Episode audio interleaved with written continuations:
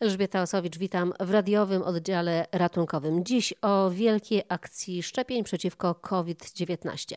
Pierwsi w Polsce szczepieni są medycy i pracownicy placówek ochrony zdrowia, szefowie szpitali, profesorowie, lekarze z oddziałów zakaźnych i pracownicy administracyjni pokazują na swoim przykładzie, jak ważne jest szczepienie. Jednak według sondaży nadal około połowa Polaków podchodzi do szczepień sceptycznie. Wśród nich są także medycy. Jak ich przekonać? Polskie Towarzystwo Zdrowia Publicznego przygotowało publikację Nauka przeciw pandemii. Jak mówi dr Piotr Karniej z Katedry Zdrowia Publicznego Uniwersytetu Medycznego we Wrocławiu, Biała Księga to zbiór wiedzy o szczepieniach przeciwko COVID-19. Biała Księga jest pierwszym dokumentem, który jest napisany językiem e, powiedzmy niekoniecznie naukowym albo nie bardzo naukowym, takim, który jest zrozumiały przez społeczeństwo, przez ludzi, którzy ją czytają i chcą dowiedzieć się czegoś więcej. To jest e, dokument, który z jednej strony ma pomóc lekarzom, pielęgniarkom w przekonywaniu pacjentów do idei szczepień ochronnych przeciwko COVID, no, ale z drugiej strony również ma przynieść pewną wiedzę, której po prostu brakuje. W tej chwili obserwujemy, że bardzo wielu lekarzy, również pielęgniarek podchodzi sceptycznie do samych szczepień, ponieważ nie rozumieją, na czym te szczepienia będą polegały. No właśnie, a to jest ten pierwszy przykład. Jeżeli oni nie zgodzą się, nie zaszczepią się, no to ludzie też e, tego nie będą robić. Właśnie tak, dlatego pierwszy taki punkt odbioru to właśnie lekarze, lekarze rodzinni, dlatego właśnie współpraca z Polskim Towarzystwem Medycyny Rodzinnej, dlatego że uważamy, że najważniejsze to przekonywać. Szczepionki będą miały charakter dobrowolny, będą oczywiście e, bezpłatne, w związku z tym bardzo istotne jest, żeby ludzie sami chcieli się szczepić, żeby sami widzieli w tym potrzebę, dlatego że nie ma w tej chwili niczego, co by nam bardziej pomagało w walce z SARS-CoV-2 niż właśnie, niż właśnie szczepienia. Kiedy rząd ogłosił Narodowy Program Szczepień, można było zgłaszać do tego programu uwagi. Ponad 20 tysięcy uwag zostało zgłoszonych, z tego bardzo dużo właśnie dotyczących samej szczepionki, badań klinicznych. To, co ciągle się powtarza, to w tych wątpliwościach, to to, że ta szczepionka została stworzona tak szybko i to jest podejrzane. No, myślę, że tego typu obawy są uzasadnione z tego punktu widzenia, że rzeczywiście dzieje się wyjątkowo szybko, co nie oznacza, że niebezpiecznie. Dlatego, że musimy pamiętać, że szczepionka, żeby w ogóle została przyjęta do sprzedaży, do produkcji, musi przejść przez szereg procesów badań klinicznych. I ta szczepionka przeszła te badania kliniczne. W związku z tym one rzeczywiście zostały zrobione bardzo szybko, ale to, to zasługa tak naprawdę pieniędzy, które zostały w to zaangażowane, bo zwykle trwa to zdecydowanie dłużej właśnie ze względu na potrzebę gromadzenia funduszy na badania pacjentów, którzy się zgodzą te badania przejść i tak dalej. W tej chwili rzeczywiście dzięki dużemu zaangażowaniu naukowców i samych pacjentów te badania zostały przeprowadzone wyjątkowo szybko, ale trzeba powiedzieć bezwzględnie i jednoznacznie, ta szczepionka jest bezpieczna. Ale jeżeli pojawia się takie sformułowanie, że została warunkowo dopuszczona, to znowu rodzą się jakieś wątpliwości. Tak, ale to znowu oznacza, że nie zostało wytłumaczone społeczeństwu, co oznacza warunkowe dopuszczenie. Warunkowe dopuszczenie następuje wówczas, e, kiedy produkt leczniczy, który wprowadzany jest na rynek, nie ma być z czym porównany. Gdy mamy jakiś preparat leczniczy, który na przykład jest lekiem generycznym, wprowadzonym na rynek jako drugi, trzeci, piąty, który działa podobnie do innych preparatów, wtedy mamy, mamy możliwość go z czymś porównać. Ponieważ w tej chwili nie mamy innej szczepionki na SARS-CoV-2 e, niż te, które mamy w tej chwili obecne. W związku z tym ta warunkowość jest absolutnie czymś normalnym. Co więcej, e, to jest procedura, która funkcjonuje od bardzo, bardzo dawna i historia tego typu procedury nie pamięta sytuacji, w której należałoby po takim warunkowym dopuszczeniu jakiś preparat natychmiast wycofywać albo zawracać. Pojawiła się też taka informacja, że producent nie bierze odpowiedzialności za ewentualne powikłania poszczepienne. To znaczy, to nie do końca tak jest, dlatego że rzeczywiście niepożądane odczyny poszczepienne, których się należy spodziewać, to są te odczyny, które w zasadzie znamy z innych szczepionek. To są najczęściej zmiany związane z miejscowymi zaczerwienieniami, z osłabieniem, z chwilowym podwyższeniem temperatury ciała, a więc typowo objawy, którymi spotykamy się również w innych przypadkach. Naturalnie należy spodziewać się ich większej ilości, ponieważ statystycznie więcej szczepimy. W związku z tym, jeśli te objawy tak naprawdę stanowią kilka procent normalnego wyszczepienia, no to w tym momencie te kilka procent przy tego typu milionowych populacjach zaszczepionych będą rzeczywiście obserwowane i proszę się absolutnie temu nie dziwić, dlatego że tak będzie.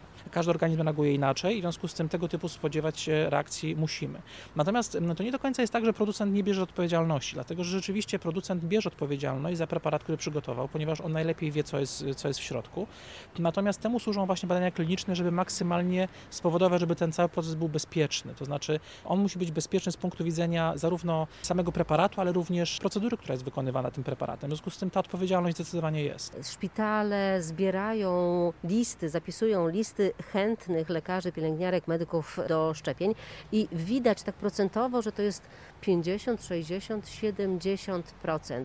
Co może, co powinien zrobić dyrektor szpitala w takiej sytuacji, kiedy na przykład 40% załogi odmawia szczepienia? No to jest trudne wyzwanie dla takiego menedżera, dlatego że wiele przypadków w Polsce pokazuje mm, rzeczywiście pewną bezradność e, ze strony menedżerów i dyrektorów. Są przypadki, gdzie dyrektor e, powiedzmy od zaszczepienia warunkuje podpisanie umowy kontraktowej z takim lekarzem czy z ratownikiem medycznym. Mieliśmy takie przypadki w Polsce. Natomiast tutaj moim zdaniem najważniejsze jest jednak przekonywanie, dlatego że prędzej czy później to przekonywanie będzie miało rzeczywiście znaczenie. Proszę zwrócić uwagę, że tak naprawdę my w tej chwili wchodzimy w etap, w którym już no, wiele set tysięcy Brytyjczyków choćby jest zaszczepionych. Tam nie obserwuje się jakichś drastycznych problemów związanych właśnie z niepożądanymi odczynami poszczepiennymi, czy też jakimiś większymi problemami tego rodzaju. W związku z tym one pozwalają nam sądzić, pozwalają spodziewać się, że również i w Polsce będziemy mieli tego typu problemów.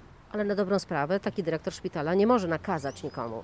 Zgodnie z kodeksem pracy takiego wymogu nie ma. Przypuszczam, że w wielu przypadkach tego typu wymogi dotyczące zaszczepienia będą występowały, dlatego że na przykład spodziewam się, że linie lotnicze będą żądały od pasażerów mm, takich certyfikatów szczepień, żeby na przykład wsiąść na pokład samochodu, yy, samolotu, żeby na przykład można było dostać się na, yy, na wakacje. Szczególnie kraje takie jak Hiszpania, Włochy, które rzeczywiście bardzo silnie przeżyły epidemię COVID, będą prawdopodobnie takimi obostrzeniami się kierowały. Jeszcze niedawno oglądałam taki serial Czarne Lustro i tam takie scenariusze były przewidywane, że właśnie jak jesteś zaszczepiony, to możesz wejść gdzieś, możesz uczestniczyć. Wydawało to się jakąś fikcją, a to się dzieje teraz. Filmy science fiction i w ogóle literatura science fiction wielu lat przy, przyzwyczaja nas do tego typu, tego typu zachowań. Ja myślę, że e, trzeba pamiętać, że wirusy były z nami od wielu lat i będą jeszcze przez wiele następnych. Co chwila e, odkrywamy nowe zagrożenia epidemiologiczne i tak naprawdę licencja poetyka autorów tego typu filmów, czy, czy, czy książek, czy, czy, czy innych przedstawień pokazuje, że rzeczywiście mamy ciągle z czym walczyć. Naszą jedyną walką tak naprawdę jest nauka. To, co robimy jako, jako naukowcy, to jest rzeczywiście to, żeby przeciwdziałać tym zagrożeniom, które pojawiają się co chwila. A jestem przekonany, że jeśli poradzimy sobie z, z COVID-em, prawdopodobnie za jakiś czas pojawi się nowy patogen, z którym również będziemy musieli walczyć. Okazuje się, że jednak w społeczeństwie jest jakaś grupa ludzi, która wierzy w te chipy. Tak, to prawda, ale na tym polega społeczeństwo informacyjne, prawo dostępu do informacji nieograniczonej, brak e, jakiejkolwiek cenzury tej, tej informacji i rzeczywiście trudno spodziewać się, żeby w tej chwili reagować jakoś, jakoś cenzurując tego typu wiadomości.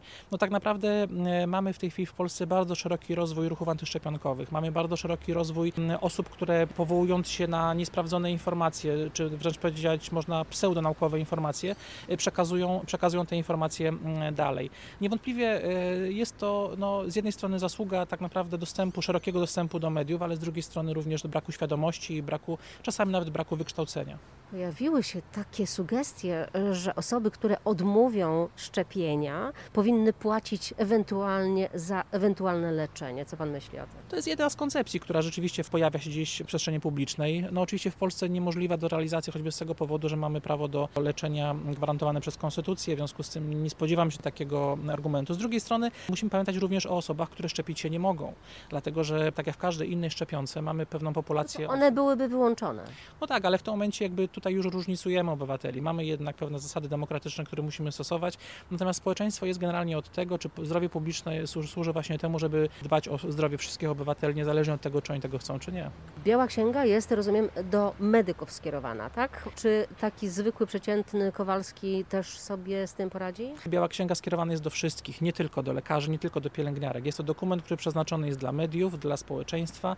Zwracam uwagę, że jest napisany bardzo prostym językiem e, przez naukowców, ale takim językiem, który jest zrozumiały nawet przez osoby, które nie mają wykształcenia medycznego. Także bardzo zachęcam do tego, żeby się z tym dokumentem zapoznać. I to jest dokument, który rzeczywiście pozwala na e, odczarowanie pewnych emocji, odczarowanie pewnych, pewnych obaw. I prawdopodobnie spodziewamy się, że opublikowanie takiej białej księgi pozwoli podjąć decyzję tym osobom, które są jeszcze niezdecydowane. Mamy bardzo dużą grupę osób, które już absolutnie podjęły decyzję, że nie będą się szczepiły i te osoby w zasadzie nie są gotowe do tego, żeby je przekonać, ale ogromna grupa mimo wszystko jednak zadaje pytania, wątpi, poszukuje odpowiedzi i tego typu księga jest dokumentem, który zawiera odpowiedzi sprawdzone przez rzeczywiście wybitnych fachowców. No dobrze, ale jeżeli rzeczywiście nie uda się zaszczepić 60-70% Polaków, to, to wszystko na nic? No nie do końca, dlatego że w tym momencie rzeczywiście będziemy mieli ciągle do czynienia z sytuacją, w której te pozostałe osoby, które nie będą szczepione, będą dalej stanowiły pewne zagrożenie dla samych siebie. Natomiast e, przypuszczalnie e, istnieje prawdopodobieństwo, że tego typu szczepienie ono będzie kontynuowane. W związku z tym, jeśli ktoś nie zaszczepi się teraz, być może zaszczepi się później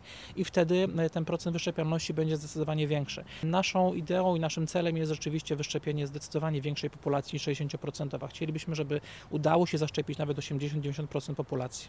Logistyka szczepienia to też jest e, dość e, trudny proces. Wydaje się, że te punkty szczepień są, te węzłowe szpitale też są, że transportowo też to się uda. Czy pan widzi gdzieś jakieś zagrożenia? Zagrożeń widzimy bardzo wiele, dlatego że rzeczywiście e, logistyka w tej chwili jest czymś, co jest tak naprawdę testowane na żywym organizmie, szczególnie w Wielkiej Brytanii. Obserwujemy w tej chwili, jak, w jaki sposób szczepionka jest transportowana właśnie w Wielkiej Brytanii. Natomiast mam nadzieję, że, że podobne rozwiązania będą stosowane w Polsce.